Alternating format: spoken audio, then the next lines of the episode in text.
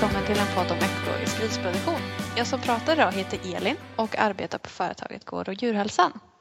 I detta avsnitt ska vi prata om afrikansk svinpest och till min hjälp så har jag Ebba. Jag tänkte att vi börjar med några snabba frågor. Vem är du Ebba? Och jag jobbar också på Gård och djurhälsan med primärt eh, riskbedömning vid import av lantbruksdjur till Sverige. Men i det så ingår det ju väldigt mycket smittskydd generellt och omvärldsbevakning. Och en av de sakerna som vi är oroliga för just nu och som jag vet att många djurägare är oroliga för också, det är ju afrikansk svinpest. Vad har du för utbildning i botten? Jag är veterinär, så det är det. Mm. Är du gotlänning från början? Nej, det är jag inte. Inflyttad gotlänning. Mm. Mm. Det dröjer tydligen innan man får kalla sig gotlänning på riktigt. Men jag bor på Gotland. Ja. Du jobbar ju inte bara på Gård och djurhälsan utan du jobbar också med någonting som heter, eller kallas SDS, Svenska djurbönders smittskyddskontroll. Ja, det stämmer. Det är tungvrickande där. Ja. Precis, kan... SDS brukar vi säga. Mm. mm. Kan du berätta lite om organisationen? Ja, det är ju en funktion som är eh, finansierad av lantbruksnäringen själva. Så jag, jag är ingen eh, myndighet eller eh, jobbar med det här primärt liksom från någon veterinär organisation utan STS är näringens egen importkontroll kan man säga. För att lantbruksnäringen i Sverige har kommit överens om att man vill ha, vi har ju ett väldigt, utgångspunkten är att vi har ju en så god djurhälsa på alla våra lantbruksdjur och att vi vill bevara det. Och en eh, risk i, i, eller ett hot mot vår djurhälsa det är ju just när man handlar med djur utomlands där det finns en skillnad då eh, med många olika smittor som vi har jobbat bort i Sverige eller som vi inte har haft av olika anledningar.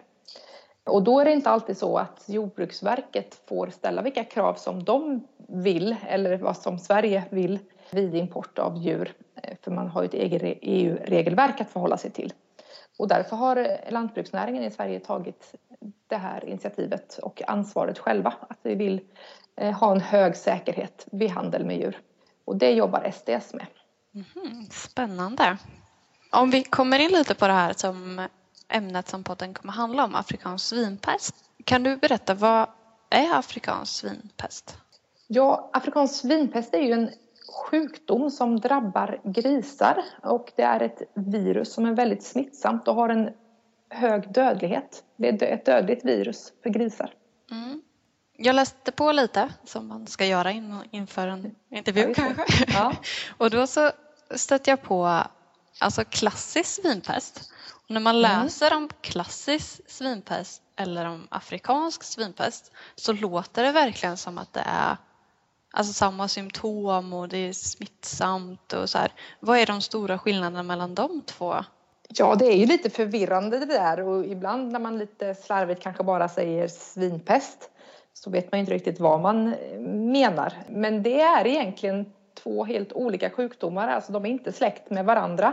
Det är två olika typer av virus, men de ger samma symptom. Då har man väl ursprungligen sagt liksom svinpest, men så de är, de är svåra att skilja åt om man tittar på en sjuk gris. Det är alltså inte samma, inte samma sjukdom och inte samma smitta. Ah, okay. ser ut. En stor sak eh, som man eh, ska ta med för klassisk svinpest så finns det ett vaccin och det gör det inte för afrikansk svinpest. Så det är en stor skillnad också i hur man hanterar sjukdomarna. Okay. Ja. Varför har det blivit aktuellt med den afrikanska svinpesten just nu? Varför är det så mycket i blåsvädret om man kollar i tidningarna idag? Ja, för att eh, den här smittan kommer ju ursprungligen ifrån eh, den afrikanska kontinenten som man hör. Så det har ju varit lite av en exotisk sjukdom även om vi historiskt sett har haft den i Europa förr. Men under många år och senare tid så, så har vi inte så har vi inte haft sjukdomen men, men sen, sedan eh, 2014 så har den återintroducerats i Europa och det har varit svårt att bli av med den. Man har inte lyckats. Den sprider sig hela tiden, tar nya kliv framåt mot centrala delarna av Europa kan man väl säga. Och det är ju väldigt oroväckande. Så att nu är den helt plötsligt nära oss och vi har en stor grisproduktion i Europa, många länder och och sådär. Så det är därför som den har blivit så aktuell just nu. Det är alltså ett pågående utbrott kan man säga av afrikansk svinpest i Europa. Mm. Har man någon aning om varför den dök upp 2014? Den hade ju funnits då i Ryssland sedan en tid. Eh, så man hade nog haft sina mm, onda föraningar att den kanske skulle dyka upp. Eh, men den eh, gör ju skutt, gör ju afrikanskt svinpest, geografiska skutt och det är oftast människor inblandade i det. Smittan kom från, från Afrika till Georgien och det tror man handlar om alltså matrester via flygplan eller, eller via en hamn som ligger där också. Eh, att, att vara båtar som hade med sig. Och därifrån Georgien så spred den sig upp i Ryssland och hade funnits där i många år. Och man hade varit lite orolig för att det faktiskt skulle kunna introduceras till Europa. Och det gjorde det ju då till de baltiska länderna 2014 och sedan dess så har det etablerat sig i dem och tagit sig vidare genom Europa. Du nämnde här att eh, den hade kommit via flyg eller via hamn och det kommer mm. lite på min nästa fråga. Hur, hur smittar eh, afrikansk svinpest? Jo, alltså det smittar ju naturligtvis genom direktkontakt mellan djur, alltså mellan grisar. Eh, den kan, fästingar kan bära smittan och man kan naturligtvis ha med sig smitta på kläder och redskap, på transporter och sådär.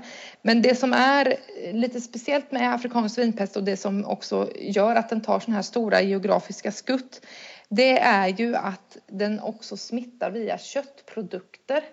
Alltså smittade djur eh, som, man, som man gör köttprodukter av, där finns det här viruset kvar i kött under lång, lång tid, även om köttet är fryst eller rökt eller torkat. Inte om man tillagar det, men i råa produkter och till viss del korv och sånt där som man inte har tillagat på det sättet så, så finns det virus. Och, och då när vi människor då har med oss sådana produkter och sedan att de kommer i kontakt med grisar då, att man slänger det i naturen eller att man då i hamnar och så vidare har sopstationer eller så vidare där det kommer i kontakt med vilda djur, helt enkelt vilda grisar så får man en smittspridning och då, kan det ju, då hjälper människan till eh, att, att sprida sjukdomen på det sättet. Mm, så det kan man säga att det är lite en kombination, eller att det först och främst är människan som är orsak till smittspridningen men att man, vi människor smittar till exempel vildsvin som då tar smittan med sig? Ja, alltså vi människor blir ju inte smittade men vi kan ta med oss smittan.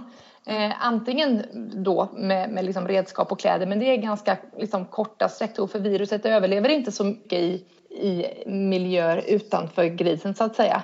Men med kött och köttprodukter, där är det vi människor som hjälper till att sprida smittan.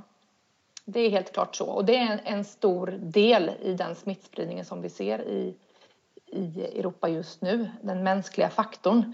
För sjuka djur vandrar inte speciellt långt. Så det är inte så att vi har eh, till exempel sjuka vildsvin som liksom tillrygga lägger långa sträckor och smittar varandra på det sättet utan den smittspridningen mellan från djur till djur den är väldigt lokal. Utan det är vi människor som sprider den här sjukdomen genom produkter som vi tar med oss och kastar i naturen. Mm. Men finns det någon, alltså om en, ett vildsvin i det här fallet till exempel blir smittat, då blir det sjukt. Det kan inte vara smittbärare utan att få sjukdomssymptom. Nej, afrikansk svinpest har en, en hög sjuklighet och en hög dödlighet. Sen tar det ju en, en viss tid från smittotillfället till att djuret faktiskt blir sjukt. Men, men sedan så utvecklar man någon form av sjukdom. Det kan vara lite olika förlopp och kan vara olika drastiska symptom. Men förr eller senare så är det dödligt. Okej, okay, men vi människor, vi, vi mår inte dåligt alls om vi får? Vi blir inte påverkade alls. Afrikansk svinpest påverkar inte människor. Vi kan inte bli sjuka och vi kan inte bli sjuka av att äta smittat kött heller. Mm. Men vi sa förut att det var ett virus. Mm. Är, det, är viruset någon form av mutant av ett annat virus eller är det det här? Nej, afrikansk svinpest är ett gammalt virus. Man kan nog inte säga när det uppstod men de första rapporterna av afrikansk svinpest är i början av 1900-talet, 1920-talet. Och det är då man, man beskriver det för första gången då på den afrikanska kontinenten. Sen kanske det har existerat där eh, tidigare också och där finns det den vilda populationen av vårtsvin bland annat. Men så det har nog inte förändrat sig särskilt mycket sedan dess. Ja, jag tycker det är så spännande att det har funnits i Afrika hela tiden men nu när det har kommit till Europa så är det, verkar det slå så himla stort. Um, nej men afrikansk svinpest är naturligtvis ett problem i Afrika också särskilt som att deras grisproduktion har ökat väldigt mycket under 1900-talet precis som, som våran men då kanske det finns en kanske större förekomst av alltså bakgårdsgrisar, att man håller grisar i större, vad ska man säga, att de har större kontakt med den vilda populationen och så där på grund av deras infrastruktur. Men det är absolut ett, ett problem i Afrika, ja. Men sen handlar det väl om att det är den geografiska... Det är långt bort helt enkelt. Ja, det är långt bort. och det har inte varit ett problem för oss i Europa innan. Men vi har, ska vi komma fram till att vi har haft utbrott av afrikansk svinpest på 1960-talet och framåt i Europa. Så vi har haft det här och vi har vetat om det och vi har kunnat eh, utrota det då. Och nu har vi fått en återintroduktion och då blir det... Men däremellan hade det, hade det glömts bort lite grann eller det räknades mer som en exotisk sjukdom, ett exotiskt problem. Men eh, nu fick vi det i knät så att säga. Mm. Jag läste i Grisföretagaren nu att de har haft flera utbrott i Kina pratar vi i Europa, men afrikansk svinpest har ju spridit sig till andra delar i världen också, nu senast Kina och det är ju ett jätteproblem.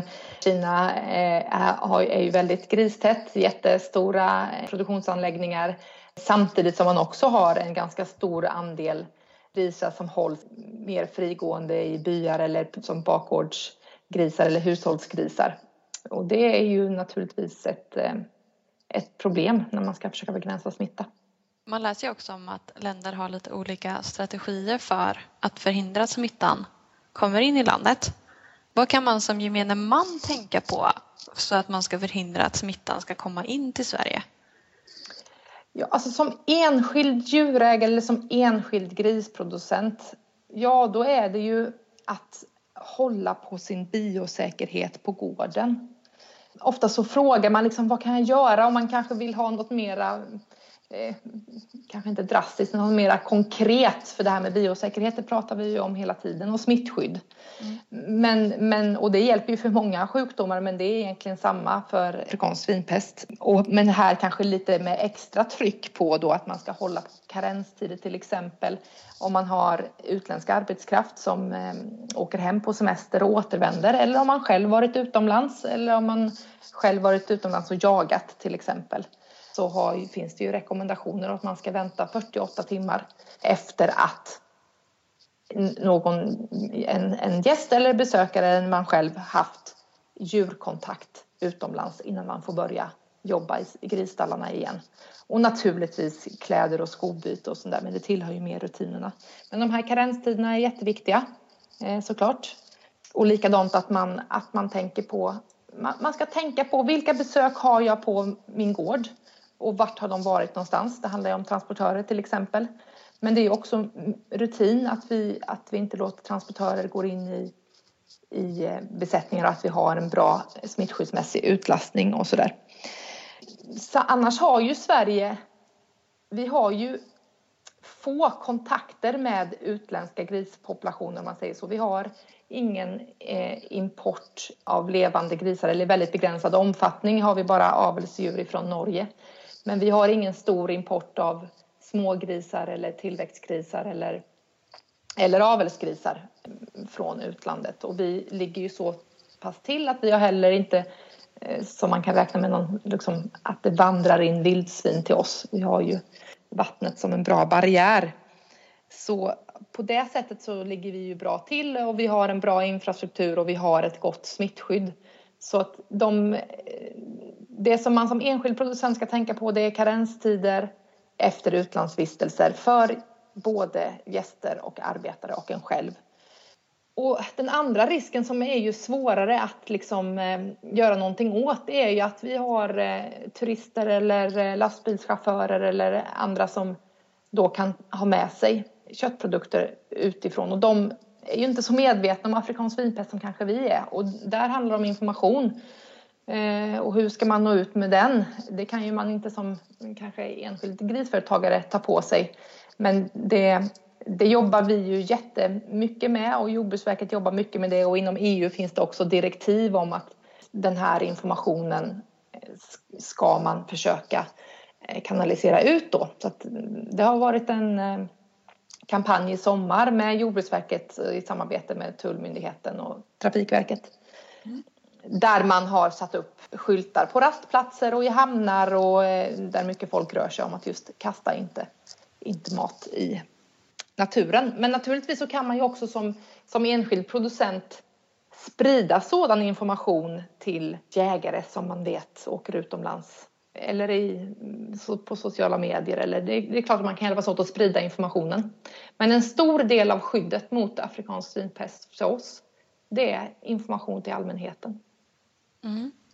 Men om, om man säger att man är eh, jägare och ute och jagar vildsvin eh, och så hittar man ett vildsvin som, som har självdött.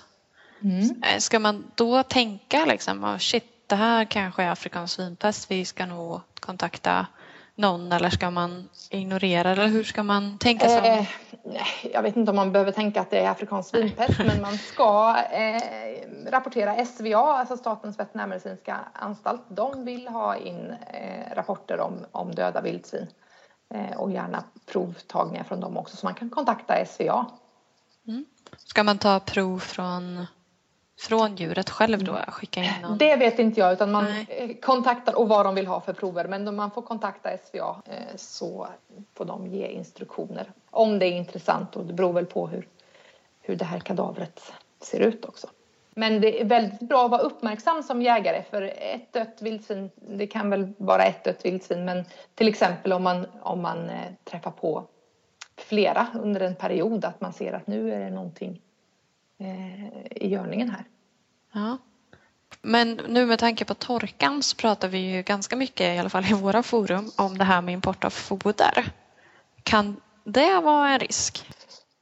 Ja, det kan det, även om man säger att det här viruset då, afrikanska svinpestviruset, är inte så överlevnadskraftigt eh, som sagt utanför en gris. Men eh, och, och torkar ganska snabbt. Alltså i torra miljöer eh, ute i luften så, så överlever inte det här viruset så länge. Och därför har man sagt att foder eller halm det ska inte utgöra, det utgör en låg risk. Men det är också under förutsättning att det är torkat ordentligt eller ensilerat ordentligt. För till exempel så överlever heller inte viruset eh, vid liksom låga pH och sådär. Mm. Men, men det är ju under de förutsättningarna. För naturligtvis är det ett, ett foder som eh, inte är ensilerat tillräckligt väl eller inte är torkat eh, tillräckligt bra, både hö eller halm, så utgör det naturligtvis, skulle ett virus kunna överleva längre. Och då kan det potentiellt eh, utgöra en smittrisk. Eller om man faktiskt till och med får upptäcker djurdelar i fodret så finns det en risk med det. Och det är därför som nu finns det en, en uppmaning om att om man kan undvika så ska man inte importera foder ifrån länder som har konstaterat afrikansk svinpest utan försöka välja import från andra ställen. Men generellt är det en låg risk men, men det är lite under, under omständigheterna. Mm. Nu har vi snackat lite om bakgrunden, var det kommer ifrån och vad man ska tänka på. Men vad, har du koll liksom på de faktiska symptomen? Ja, afrikansk svinpest kan se ut på många olika sätt. Alltså, dels kan det vara en, en väldigt akut form, man säger perakut och det är när, när grisen dör faktiskt utan några föregående symptom. Eh, sen har vi den akuta formen eh, och, och där är det väldigt hög feber, de får svårt att gå, rörelsestörningar. Eh, dräktiga djur rapporterar, man har andningssvårigheter och kan se blåa missfärgningar på huden på grisarna, speciellt på öronen. Eh, och djuren kan både ha kräkningar och diarré och den kan vara blodig och man kan ha blödningar från andra kroppsöppningar då, från trynet till exempel. Så det finns många olika man säger att afrikansk svinpest kan se ut på många olika sätt så man ska vara uppmärksam på om, om det plötsligt dyker upp något i ens besättning som man känner att det, det här är någonting märkligt eller en hög dödlighet. Så är det bättre att vara uppmärksam och tillkalla veterinär hellre i onödan än, än inte så att säga. Troligtvis så kommer det ju vara ganska dramatiska symptom men det, det är inte alltid att det är så. Ett förändrat hälsoläge bland dina grisar ska ju, ska ju följas upp. Så kan man säga. Och då det man gör är som du sa att man kontaktar sin veterinär och sen när det, ligger det på veterinären och kontakt med Ja, beroende på hur stark den här misstanken är så kanske det blir en anmälan till Jordbruksverket och SVA så fort veterinären kommer dit och ser att det här är, är någonting som verkligen är misstänkt. Då, då. Men det behöver man, alltså, som djurägare så tillkallar man sin veterinär och sen så kommer de att ta beslut hur man ska gå vidare. Eh, har du någon uppfattning om hur lång tid det tar från att ett djur blir smittat tills att någon form av symptom bryter ut? Alltså går det en månad eller tar det en vecka? Nej, det, det, kan vara bara några dagar men upp till två veckor säger man. Mellan, ja, mellan 5 och 15 dagar är inkubationstiden, det vill säga från smittotillfället till att man utvecklar sjukdom. Visst är det så att afrikansk svinpest lyder under något som heter epizotilagen? Mm. Skulle du vilja nämna lite vad det är för någonting? Ja, så först och främst så får man säga att en episoti eh, det är en allvarlig smittsam djursjukdom som utgör då ett hot mot djur eller människors hälsa. Och det finns vissa sjukdomar som klassas som episotier då och de omfattas också av en speciell lagstiftning, alltså episotilagen. Och den lagstiftningen den bestämmer helt hur man ska agera vid misstanke eller liksom bekräftad sjukdom då. Man har liksom skyldighet att anmäla en misstanke om en epizootisjukdom till exempel. Det har man som djurägare också. Och veterinärer eh, har ju skyldighet att anmäla misstankar. Men, men det är alltså sjukt, epizootilagen reglerar exakt hur man ska gå tillväga vid misstanke och utbrott om ett antal allvarliga sjukdomar då som vi inte vill ha i Sverige. Du nämnde här i inledningen att den största, en av de stora skillnaderna mellan afrikansk svinpest och klassisk svinpest var att det inte finns ett vaccin mot afrikansk svinpest. Mm. Om det nu är en så stor eh, farlig sjukdom, varför kan man inte utveckla ett vaccin eller varför finns det inget vaccin? Jo, man, eh, man har nog försökt, eller jag vet att man försöker att utveckla ett vaccin men, men än så länge har inte det varit framgångsrikt. Och det verkar vara ett komplext virus till sin uppbyggnad. Så att man har inte lyckats helt enkelt, men, men eh, man försöker. Men än så länge så finns det inte något vaccin att tillgå så vi kan inte heller då utnyttja det i händelser av utbrott. Vågar du chansa på hur den närmsta framtiden ser ut? Tror du att vi kommer få en ökad förekomst av afrikansk svinpest och tror du att den kommer kunna ta sig även till Sverige?